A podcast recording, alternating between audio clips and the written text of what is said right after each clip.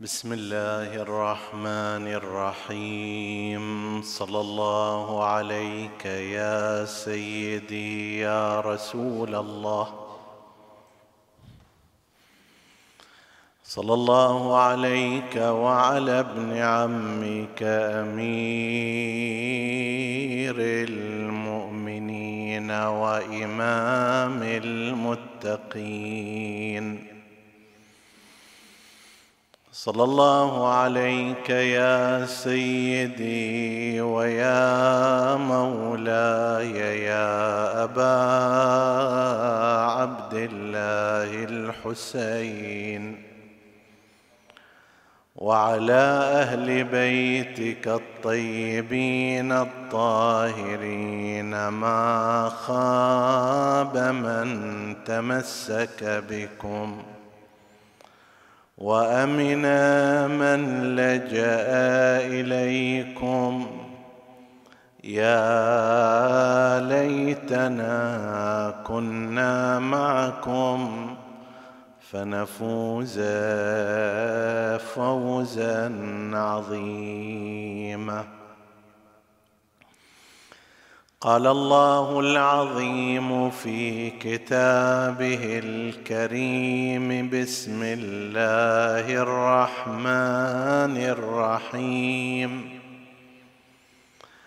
إن الذين يكفرون بالله ورسله ويريدون أن يفرقوا بين الله ورسله ويقولون نؤمن ببعض ونكفر ببعض ويريدون أن يتخذوا بين ذلك سبيلا. آمنا بالله. صدق الله العلي العظيم. عطروا مجالسكم بذكر محمد وآل محمد.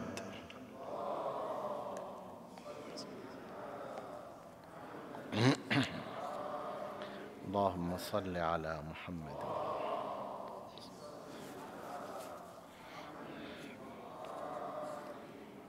اللهم صل على محمد وآل محمد.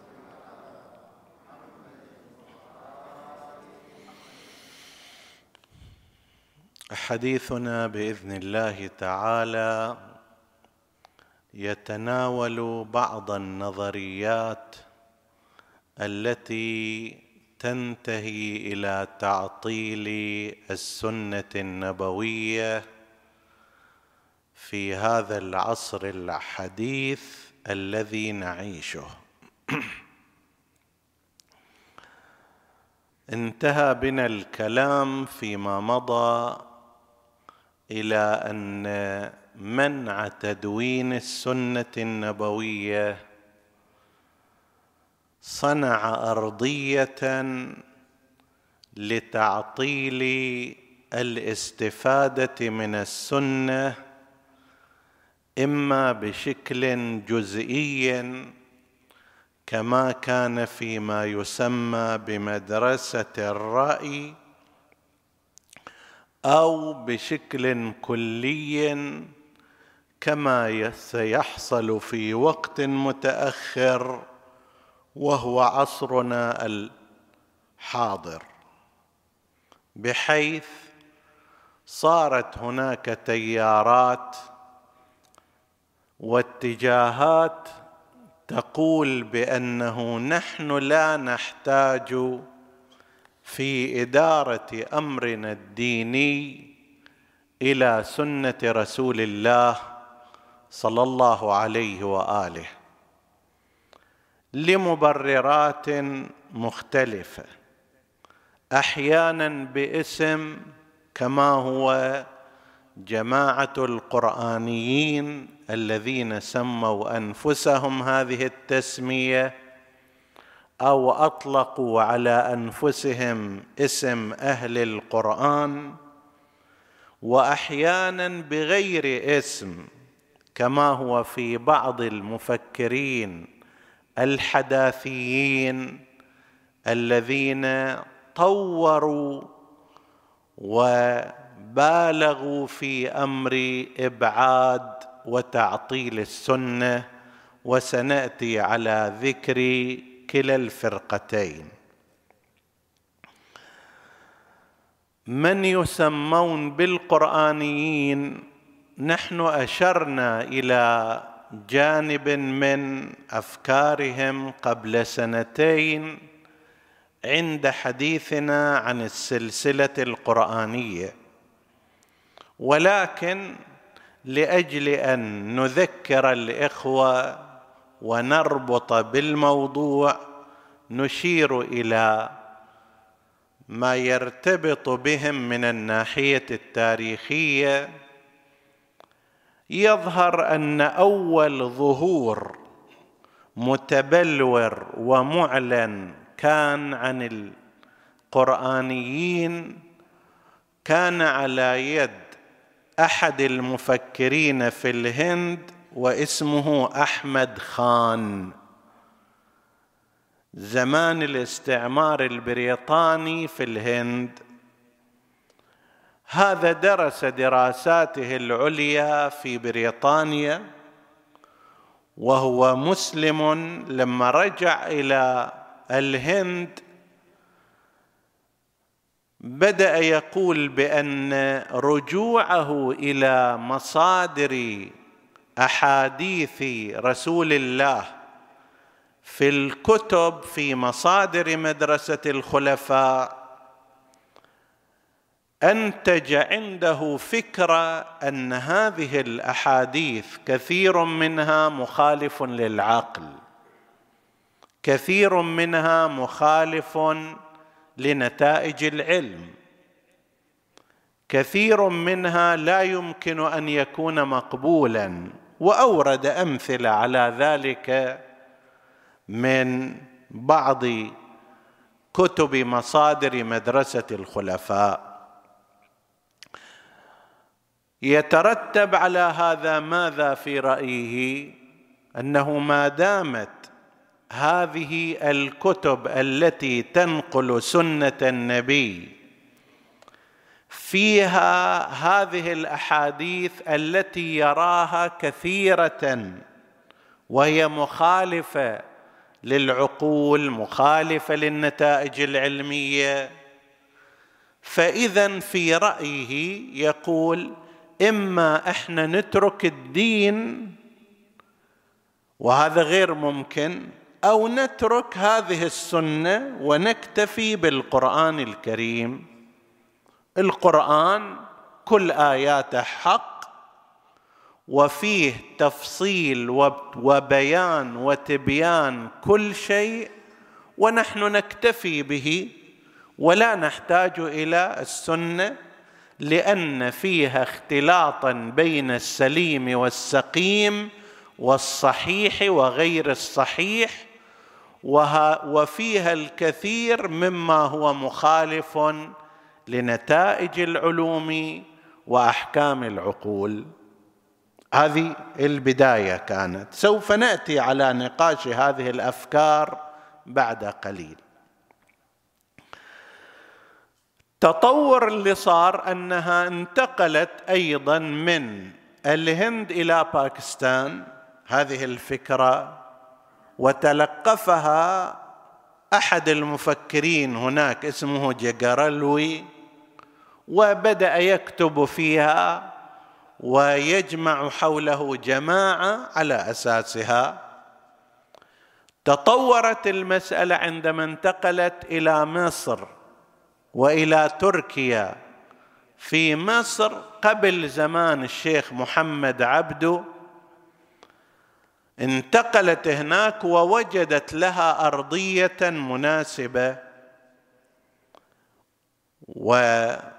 وتوافق معها عدد من المفكرين هناك ومن بعض مشايخ الأزهر أيضا. فأصبحت تتطور تشرح يكتب فيها. فيما بعد في العصور الحديثة على أثر الإنترنت وعلى أثر انتقال إلى الخارج صار اليها أتباع وجماعات. ولا ريب أن الاتجاه الغربي كان يدعم مثل هذه الفكرة ويحتضن أمثالها فأعان على الانتشار. الآن عندهم جماعة في أمريكا ومراكز رسمية وما شابه ذلك. هذا فد شيء مختصر عن فكرة القرآنيين أو هم يسمون أنفسهم أهل القرآن. طيب ما هي الدوافع التي دفعت هؤلاء إلى أن يلتزموا بمثل هذه الفكرة؟ وهل أنها فكرة سليمة أو لا؟ نتحدث عنها ثم نتحدث عن الفكرة الأخرى اللي تبناها أيضا جماعة من الحداثيين والعلمانيين فيما يرتبط بقضية القرآن. هذول أول ما إجوا قالوا أنه في كتب الحديث في مصادر مدرسة الخلفاء هناك نهي عن كتابة سنة رسول الله. والخلفاء أنفسهم منعوا ذلك. فإذا جاء واحد مثلا في سنة 179 كما هي وفاة الإمام مالك مثلا وكتب الموطأ فهذا يعني أنه على خلاف ما أوصى به رسول الله. أنتم مو تقولوا أنه أبو سعيد الخدري سأل رسول الله هل أكتب عنك؟ فقال لا. زين ليش كتبت عن النبي؟ مو عندكم أنه تدوين السنة وكتابتها ونشرها ممنوع من قبل رسول الله وممنوع من قبل الخلفاء؟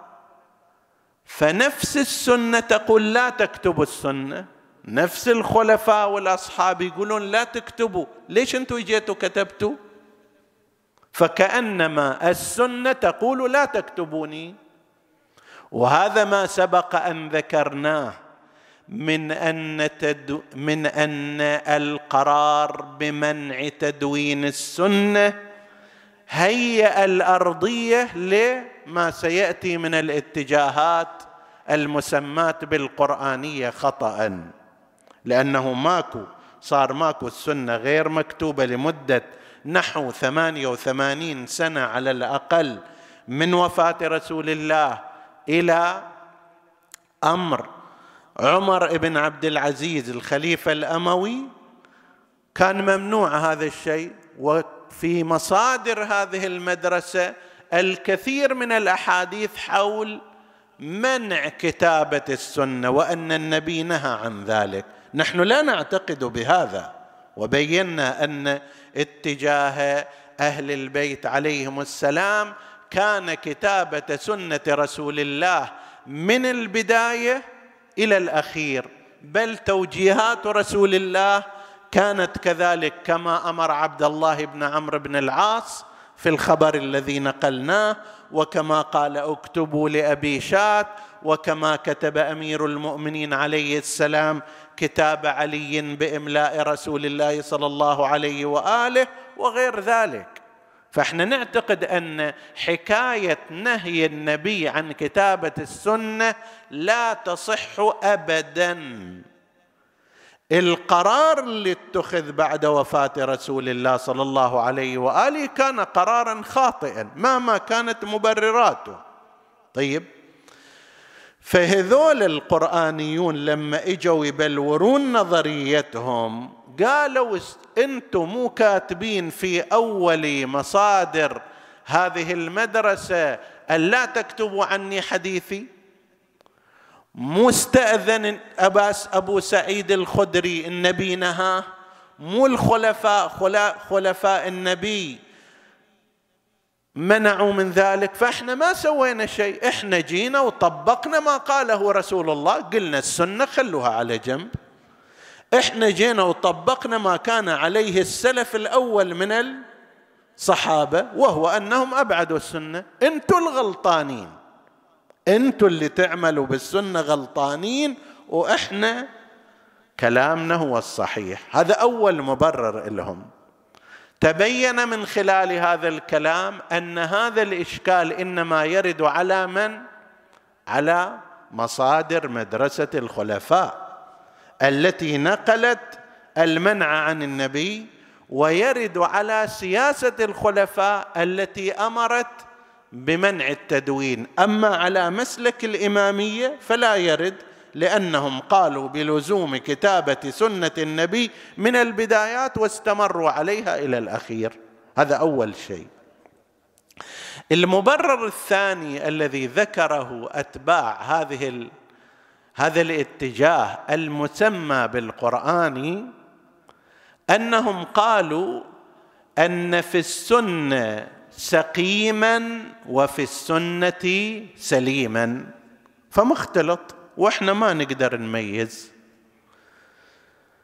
هذا عندك أنت مثلا شيء مخلوط ما تدري هذا صحيح لو ذاك صحيح. يمكن تعمل بهذا ويتبين أنه هذا من قسم السقيم والموضوع. فما دام الأمر هكذا نستغني عنها. وين نروح؟ نروح إلى القرآن. القرآن بعد ما في آية سقيمة وآية سليمة. كله من الله وإنا نحن نزلنا الذكر وإنا له لحافظون. فنترك السنة لصالح القرآن. هذا الكلام أيضا كلام غير سليم وغير صحيح. لماذا؟ الآن إحنا نجيب مثال يفهمه الصغير والكبير. أنت عندك كيس كبير جدا فيه عملات قسم منها مزور وقسم منها أصلي. هل الموقف العقلي أن تشيل هذا الكيس بكامله وتلقيه في البحر؟ كلا. وإنما الطريق السليم أن تجي تحاول تفرز ما كان مزيفا أو يحتمل أنه مزيف تخليه على جنب. وأما ما كان سليما واصليا تستفيد منه هذا كنز. هذه أموال طائلة. كيف ترميها في البحر؟ نفس الكلام لو كان عندك كتاب من ألف صفحة فيه مثلا عشرة آلاف حديث في هالعشرة آلاف أكو مقدار سقيم موضوع غير سليم لا يصح نسبته لرسول الله. وأكو مقدار آخر أكثر هو الأكبر هو السليم.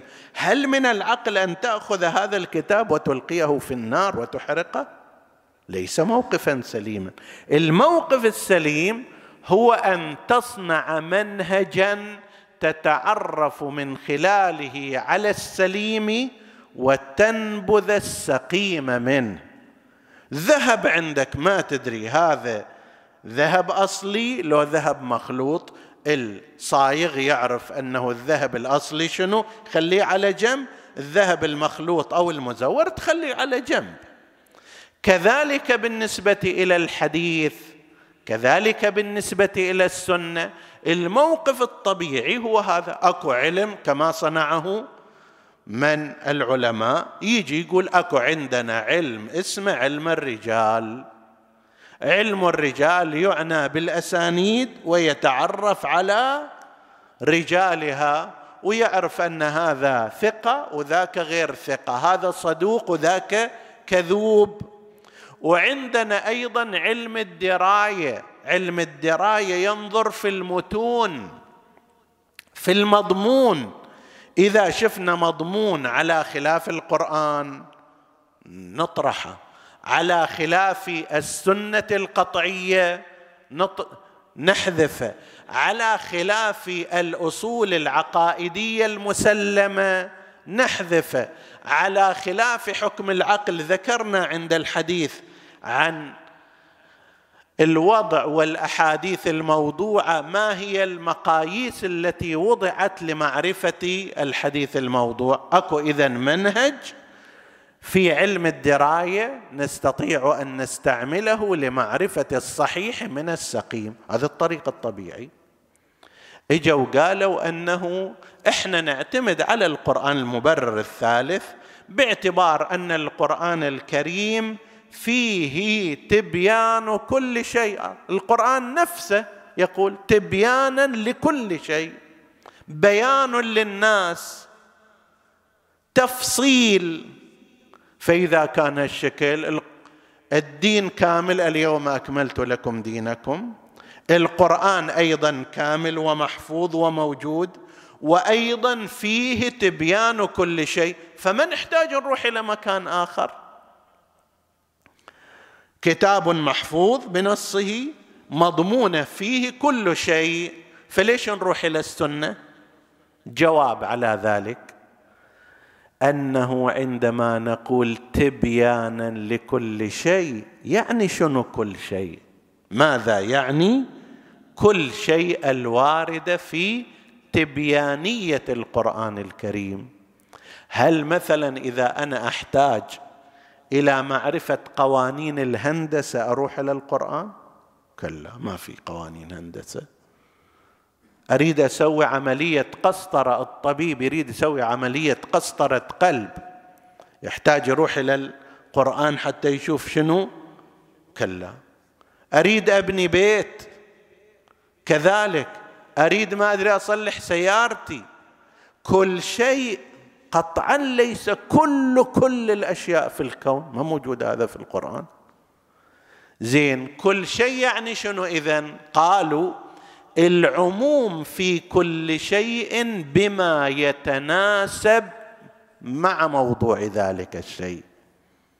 مثلا تجي المسجد تقول ما شاء الله مسجد عامر مرتب في كل شيء.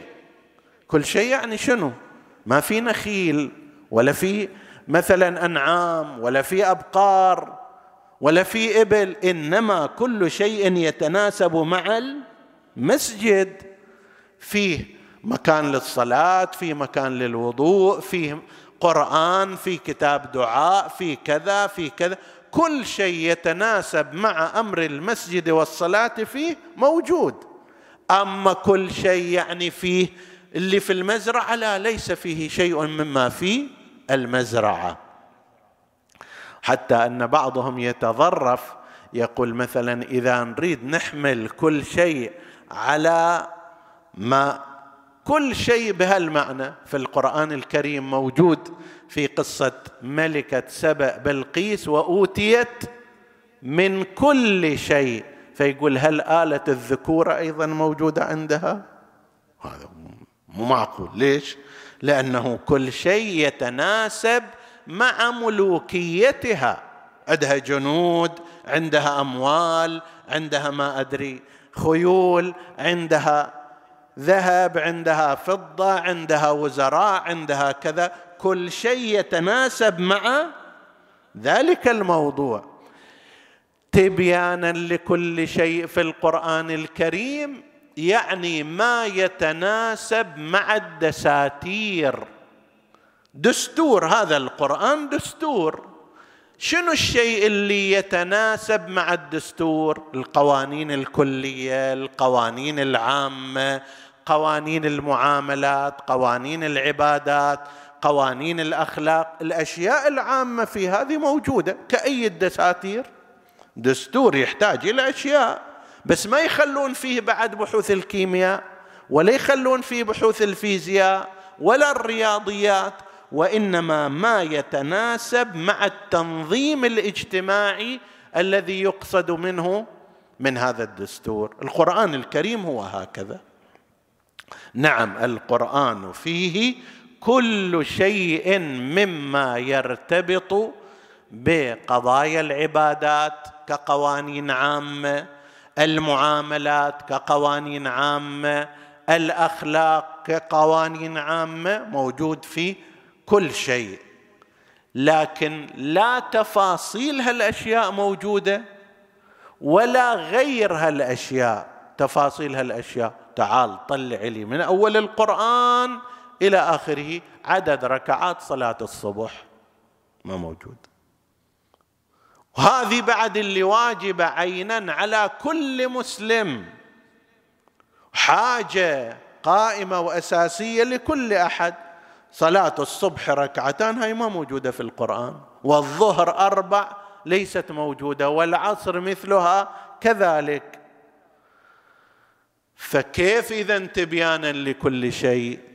المقصود تبيانا لكل شيء بما هي قوانين عامه هذا واحد. وأيضا تبيانا لكل شيء لأن فيه التوجيه إلى سنة رسول الله صلى الله عليه وآله لذكره. صلوا عليه.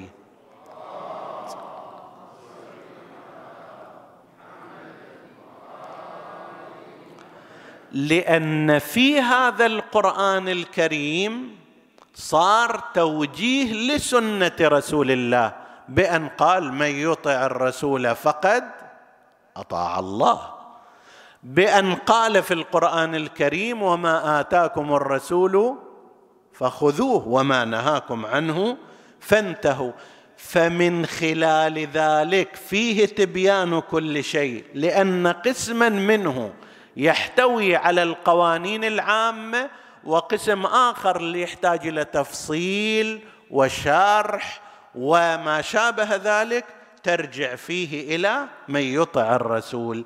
لو أردنا أن نمثل مثال يفهمه الصغير والكبير تجي أنت تريد تشتغل في شركة المدير يقول لك هذه هذا كراس في كل ما تحتاج عن الشركة. فتيجي تفتح أول صفحة تقرأها قوانيننا كذا كذا كذا. إذا أردت في الأمور المالية أن تستفسر فاتصل على الرقم فلان واسأل من؟ المسؤول المالي. إذا أردت قوانين التوظيف والاستفسار فيها تصل على الرقم الفلاني واسأل مسؤول شؤون الموظفين. إذا أردت الأمر الفلاني فاتصل على كذا. هذا الكتاب فيه قوانين وفيه إرشاد لما بعد ذلك. ما يقول لك شنو راح يقول لك هذا الموظف. ولكن إذا احتجت إلى تفصيل أكثر فهناك مرجع ترجع إليه. هذا نفس الكلام هو اللي صار بالنسبة إلى سنة رسول الله. أنت تجي تقرأ القرآن كله في قوانين في أحكام في تشريعات وفيه أيضا إرجاع إلى سنة رسول الله صلى الله عليه وآله. لقد كان لكم في رسول الله أسوة حسنة. إلى غير ذلك من الآيات المباركات أي وقت تحتاج إلى إضافة معلومات تريد تصلي؟ ما موجود. كيفية الصلاة ما موجود في القرآن. لكن روح من يطع الرسول فقد أطاع الله. شوف صلوا كما رأيتموني أصلي. كيف صلى رسول الله؟ تعرف الصلاة. وشوف خذوا عني مناسككم. تعرف طريقة الحج وعلى المعدل. وإلا لو كان يقتصر على القرآن المجرد نفسه من دون سنة رسول الله لا يتمكن هؤلاء حتى من صلاة ركعتين. فضلا عن تطبيق باقي أحكام. الإسلام. الآن واحد يقول أنا ما أعمل بالسنة. قل له تعال تفضل صلي قدامي ركعتين من خلال القرآن. القرآن ما في كيفية. تريد توقف تكبر تكبيرة الإحرام؟ ماكو عن تكبيرة الإحرام شيء. أكو وكبره تكبيرة. كبره تكبيرة وين؟ متى؟ الصبح أكبر تكبيرة. والمغرب أبدأ الصلاة. أو أول مغرب أكبره تكبيرة والصبح أبدأ الصلاة ما في هذا الحكي. خلصنا من التكبير. نريد نقرأ. ماذا تقرأ؟ فاقرأوا ما تيسر منه. هذا في القرآن الكريم. ما تيسر منه يعني ألف لام ميم. هذا هو. فأنا أكبر وأقول ألف لام ميم. انتهى الموضوع. قرأت ما تيسر منه. وين فاتحة الكتاب؟ ماكو. فاتحة الكتاب موجودة في السنة عن رسول الله. لا صلاة إلا بفاتحة الكتاب. وهكذا لما تروح الركوع والسجود مذكور. واركعوا مع الراكعين فاسجدوا لله واعبدوا. ليش صارت زين؟ ما يخالف. ليش صارت الركوع واحدة بينما السجود ثنتين؟ يكفي المفروض هذه واحدة وهذه واحدة أو تلك ثنتان وهذه ثنتان.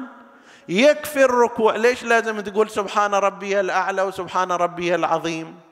لو أراد شخص أن يكتفي بالقرآن الكريم في كيفية صلاة ركعتين لما تيسر له فكيف يريد أن ينظم حياته بشكل عام في عباداته كلها في معاملاته كلها في زواجه وطلاقه وحضانته وميراثه وغير ذلك؟ كيف يقدر يسوي هذا؟ لا يستطيع. فاذا الكلام عن أنه فيه تبيان كل شيء وتفصيل كل شيء لا ينفع في الاستغناء عن سنة رسول الله صلى الله عليه وآله. قالوا أن السنة غير محفوظة والقرآن محفوظ وإحنا بالتالي نلجأ إلى ما هو محفوظ بحفظ الله عز وجل. نقول ما دام قد حفظ القرآن فهو الذي أحالنا على السنة. هو نفسه أحالنا عن السنة. ولم يستثنى السنة من القرآن الكريم فلا بد أن نرجع. نشوف الأحاديث المتيقنة. أكيد مو كل الأحاديث المنقولة غلط وغير صحيحة. نروح نمسكها. هذه الصحيحة نروح نمسكها. اللي فيها اشتباه نضع منهجا لها منهج العرض على القرآن وغير ذلك مما ذكرناه في وقت مضى. فاذا هذا التوجه وهذا الكلام الذي يذكر من أن ما دامت السنة محفوظة والقرآن ما دام القرآن محفوظا والسنة غير محفوظة إذا لا نعمل بها.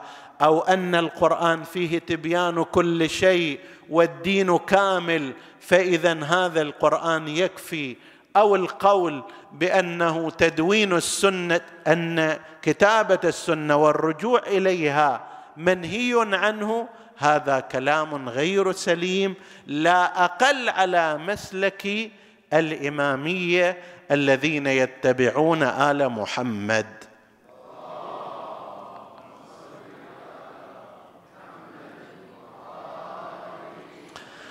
هذا الاتجاه القرآني حصلت إلى طفرة جينية حسب التعبير. هذه الطفرة الجينية عندما جاء بعض الدكاترة من موقع علمي غير شرعي حسب التعبير فيزياء وكيمياء وما أدري كذا. بالإضافة إلى جو آخر غير الجو الديني المألوف. فأضيف إلى فكرة القرآنيين طفرة أكبر من السابق. فكرة القرآنيين قائمة على أساس تعطيل السنة لأننا لا نصل إلى السنة الصحيحة. مختلطة وما نقدر وماكو حاجة إلها مع وجود القرآن. هاي الطفرة اللي ذكرها بعض المؤلفين توفي قبل نحو سنة أو هكذا من الزمان اجوا قالوا أنه القضية مو قضية أن السنة مختلطة أو لا حتى لو هذا حسب ما ورد في بعض المقابلات المسجلة بالصوت والصورة حتى لو كان أمامنا كلام رسول الله بالصوت والصورة حيا ويقرر قوانين إحنا مو ملزمين أن نعمل بها. مو سالفة أنه إحنا ما ندري هذا منسوب لرسول الله كما كانت فكرة القرآنيين الأوائل. لا أصحاب هذه الفكرة يقول حتى لو ندري أن هذه سنة النبي ونعلم بها بل نسمع كلام رسول الله صوت وصورة لسنا مخاطبين بها. لماذا؟ قال لأن سنة النبي في رأيه إنما كانت من أجل التنظيم الاجتماعي لمجتمع رسول الله صلى الله عليه وآله. بعد ما مات انتهى الموضوع. والشاهد على ذلك يقول شنو؟ شاهد على ذلك أن الخلفاء بعد رسول الله ما التزموا بكلام رسول الله. قضايا اللي صارت الأمور اللي حدثت مو كلها بأوامر رسول الله ولا منسجمة مع وفاة مع توجيهات رسول الله. فإذا يتبين من هذا أن سنة النبي كانت إلى زماني. فإذا اللي وراه ما عملوا بها ولا دونوها ولا حفظوها ولا كتبوها بل نهي عنها إحنا بعد عشرات بعد عشرات القرون نجي ونعمل فيها ما نعمل فيها. هذا التوجه الخاطئ اللي الآن موجود عند قسم من الناس ضمن هذا الإطار. هذا طبعا إذا واحد يتأمل فيه تمام ويعرف مؤدياته جدا مشكل. هذا ينطبق عليه ما قرأناه في أول المجلس من الآية المباركة. لا أريد أن أقول قائل هذا الكلام كافر وإن كان الكفر هو أيضا على معاني متعددة. لكن شوف لحن الآية إن الذين يكفرون بالله ورسله ذولا شي يسوون؟ ويفرقون بين الله ورسله. يقولوا إذا شيء من عند الله على العين والرأس. أما إذا شيء من سنة رسول الله أنا مو مطالب بالعمل به. ويقولون نؤمن ببعض ونكفر ببعض. قسم اللي يجيبه القرآن الكريم إحنا نعمل به. أما شيء اللي جايبنه رسول الله هذا تنظيم إلى مجتمعه هو إحنا مو مخاطبين به. ويريدون أن يفرقوا بين الله ورسله ويقولون نؤمن ببعض ونكفر ببعض. ويجعل هذا ما كان من الله نعم ما كان من رسول الله. لا هؤلاء لا يؤمنون حقيقة إيمانا تاما بالله عز وجل لأن الإيمان بالله يقتضي العمل بسنة رسول الله صلى الله عليه وآله. وإن تطيعوه تهتدوا. مقتضى الشرطية وإن لم تطيعوه ماذا؟ لا تهتدوا. ونفس هذا مفاد حديث الثقلين. ما إن تمسكتم بهما لن تضلوا من بعدي أبدا. فإجوا هؤلاء وقالوا أنه هالشكل. طبعا نحن لا نستبعد هنا أن البيئة التي عاش فيها أمثال هؤلاء وهي بيئة غربية ودعمت هذا الاتجاه. ولذلك نحن نلاحظ أن توجه هذه المدرسة الأخيرة لا يوجد فيها أي حكم من الأحكام الدينية لا يرضى عنه الغرب. تتبعوا. مثلا إجوا في قضية المرأة. المرأة قالوا اولا قضية الحجاب ما مطروحة أصلا إما لأن الحجاب بس كان على نساء رسول الله مو على المسلمات. شافوا الحجاب موجود في في القرآن الكريم. ماذا يصنعون؟ زين هذا مو سنة هذا قرآن. قالوا ها هذا ال... هذا خاص بنساء رسول الله صلى الله عليه وآله. زين يابا قل لي نسائك وبناتك ونساء المؤمنين. هذا نساء المؤمنين يدنين عليهن من جلابيبهن. بالتالي يقول لك لا هذا خاص بنساء النبي باعتبار أن المجتمع المعاصر يحتاج إلى ترك الحجاب. الغرب لا يرضى إلا بترك الحجاب. إحنا نريد نجمل صورتنا أمامهم. الميراث هاي سالفة للذكر. مثل حظ الأنثيين يوصيكم الله في أولادكم للذكر مثل حظ الأنثيين. وفي قضية الإخوة أيضا في آية أخرى أيضا للذكر مثل حظ الأنثيين. هذا لا يتناسب مع التوجهات المعاصرة الغربية التي تطالب بالمساواة بين الرجل والمرأة. شيلوا هذا. فلازم يروح ويصعد وينزل ويتعب نفسه حتى يبين في النتيجة أنه لا للذكر مثل حظ الأنثى. ماكو فرق.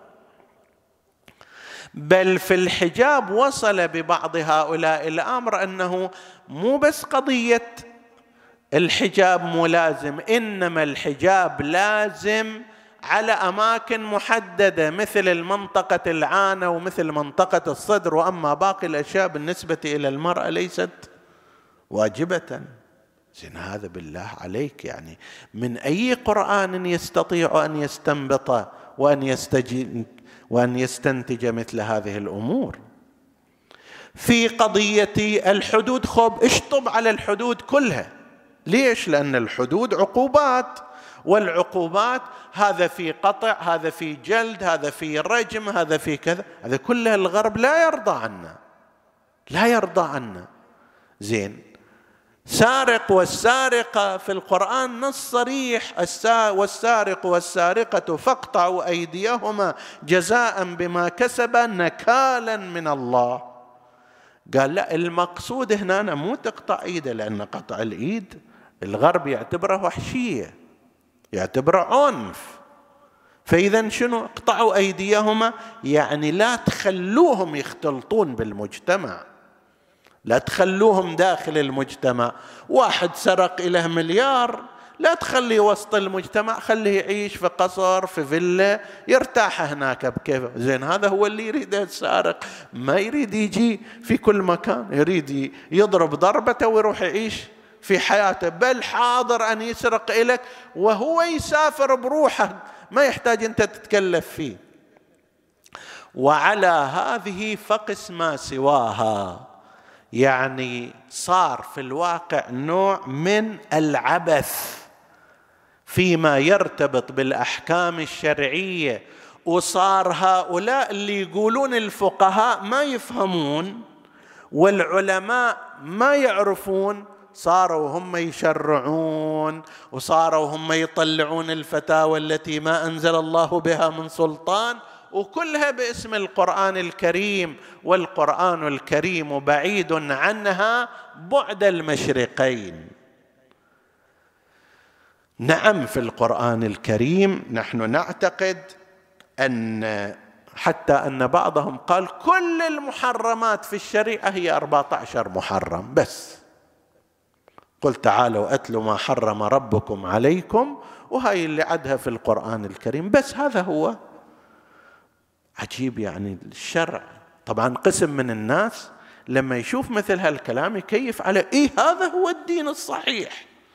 هذا هو القرآن العدل. هذا هو الفهم. هذه هي العبقرية. طبيعي أي إنسان لو تقول له واحد في القر... في الإسلام ماكو محرمات أصلا. هذا بعد أريح له من الأربعة عشر. طيب نعم في القرآن الكريم أمهات ومفاتيح التشريع بس من يفهمها؟ من يعرفها؟ إنما يعرف القرآن من خوطب به محمد وآل محمد.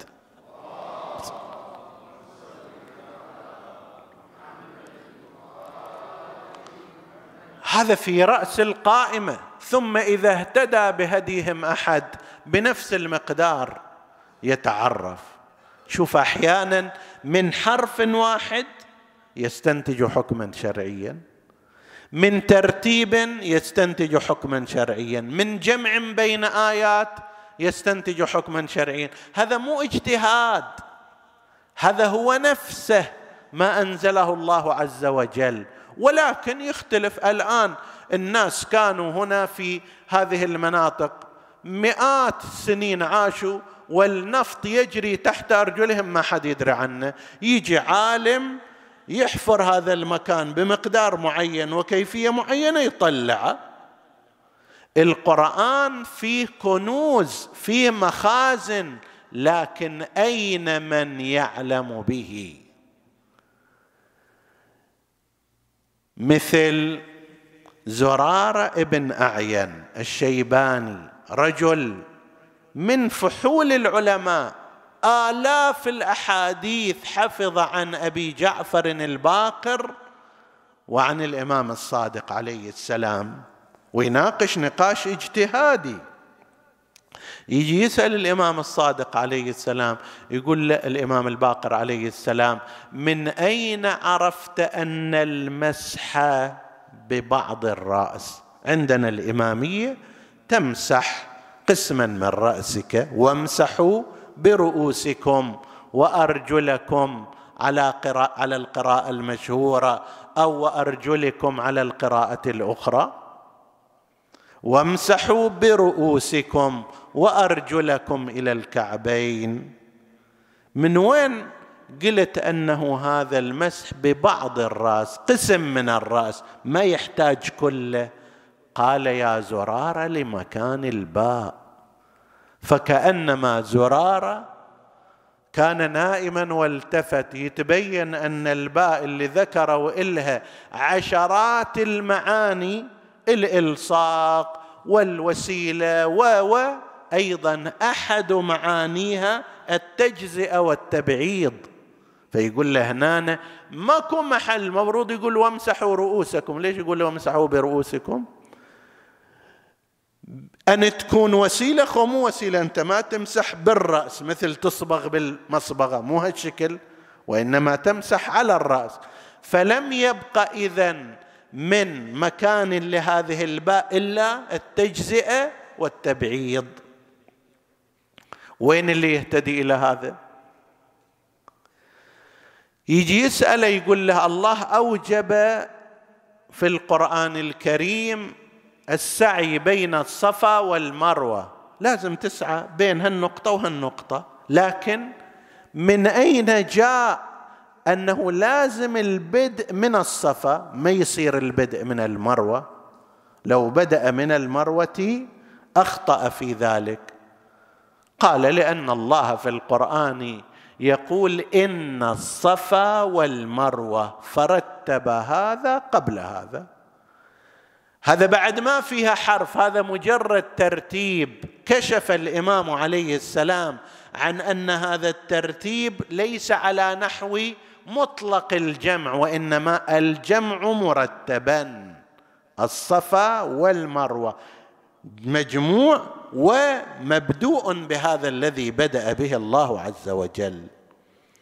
وأوضح منه في قضية صلاة العيد والزكاة زكاة الفطرة. واجب على الإنسان أن يزكي وأن يصلي. عندنا الإمامية لا بد أن يكون قد أخرج الزكاة قبل أن يصلي صلاة العيد. فيسأل من أين هذا؟ قال ألم تقرأ قوله تعالى قد أفلح من تزكى وذكر اسم ربه فصلى. هذا ترتيب. أحيانا مو ترتيب جمع بين آيتين. إذا اجتمعت هالآيتان انتجت بصيرة قرآنية ورؤية واضحة. كما حصل في عهد الخليفة الثاني هاي القضية مشهورة. وإن كان بعدين كل واحد نسبها إلى إمام مذهبه وإلى عالمه في قضية أقل الحمل وهي على التحقيق حصلت أيام الخليفة الثاني عندما اتهم رجل امرأته بعدما رآها قد أنجبت ولدا لستة أشهر والمعروف بين الناس أن المرأة لا تنجب إلا لتسعة وفي أحيان قليلة تنجب لسبعة أشهر وفي ثمانية أشهر في أكثر الأحيان لا يبقى. هذا المعروف عند الناس. أما ستة أشهر هذا مستعجل جاي يركض الظاهر. مسوي تسريع مثل ما في بعض الصفوف. فرفع أمرها إلى الخليفة الثاني وقر رأي الحاضرين على أنه هذه أكيد خاطئة لأنه ما عهدنا أن مرأة تنجب في ستة أشهر. فكانت هناك نية إقامة الحد عليها. وهي تستغيث وتقسم بالله أنها ما قارفت خطيئة. أحد الحاضرين رأى عليا عليه السلام فأخبره بذلك قال خلوا سبيلها. كيف نخلي سبيل هذا زوجها يدعي عليها ويقول كذا وكذا؟ فقال أمير المؤمنين عليه السلام أما قرأتم وحمله وفصاله ثلاثون شهرا؟ قالوا بلى. قال في مكان آخر حولين كاملين لمن أراد أن يتم الرضاعة. هاي 24 شهر. شيل من الثلاثين حمله وفصاله اللي هي ثلاثين شهر شيل منها أربعة وعشرين شهر اللي هي فترة الرضاعة الكاملة. يبقى ستة أشهر يعني أدنى مدة يمكن أن تحمل فيها المرأة هو ستة أشهر. من الناحية الشرعية هذا ممكن بالمقدار الذي يدرأ عنها الحد. زين هذا من أين كان لهم أن أن يلتفتوا إليه؟ الحاضرون مو صحابة صغار ولا قلائل وقر رأيهم على عقوبتها. فقالت فرجت عني يا أبا الحسن فرج الله عنك والله شهيد علي أني لم أقارف اثما. زين هذا جمع بين آيتين. وعلى هالمعدل أحيانا من كلمة واحدة. يجي يسأله الآن عندنا مسألة خلافية بين الإمامية وبين أتباع مدرسة الخلفاء في قضية البقر أنه هل يجوز النحر في البقر كما يجوز في الإبل. إبل لا بد فيها من النحر ما يصير ذبح. تنحر تطعن في لبتها هذا نحر يسمونه. هل البقرة هالشكل باعتبار كبيرة الجثة؟ أو لا هي مثل الغنم لا بد فيها من الذبح ما يجوز فيها النحر. فذهب فريق إلى جواز كلا الأمرين في البقر لمشابهتها للطرفين. الإمامية التزموا بأنه ليس فيها إلا الذبح تبعا لأئمتهم. فيسأل واحد الإمام أنه كيف قررت إلا الذبح في البقرة؟ قال أما قرأتم إن الله يأمركم أن تذبحوا بقرة. مو تنحروا وفي الموضع الآخر يقول فذبحوها وما كادوا يفعلون. يتبين أن التذكية للبقر إنما هي من خلال الذبح. مثل أهل البيت عليهم السلام بما ورثوا من علم رسول الله صلى الله عليه وآله. وهم القائلون يقولون حديثي حديث أبي وحديث أبي حديث جدي وحديث جدي حديث رسول الله صلى الله عليه وآله. ويقولون إنما هو علم من رسول الله نتوارثه كابرا عن كابر. الفخر والميزة والعظمة والأبهة إنما هي لمحمد.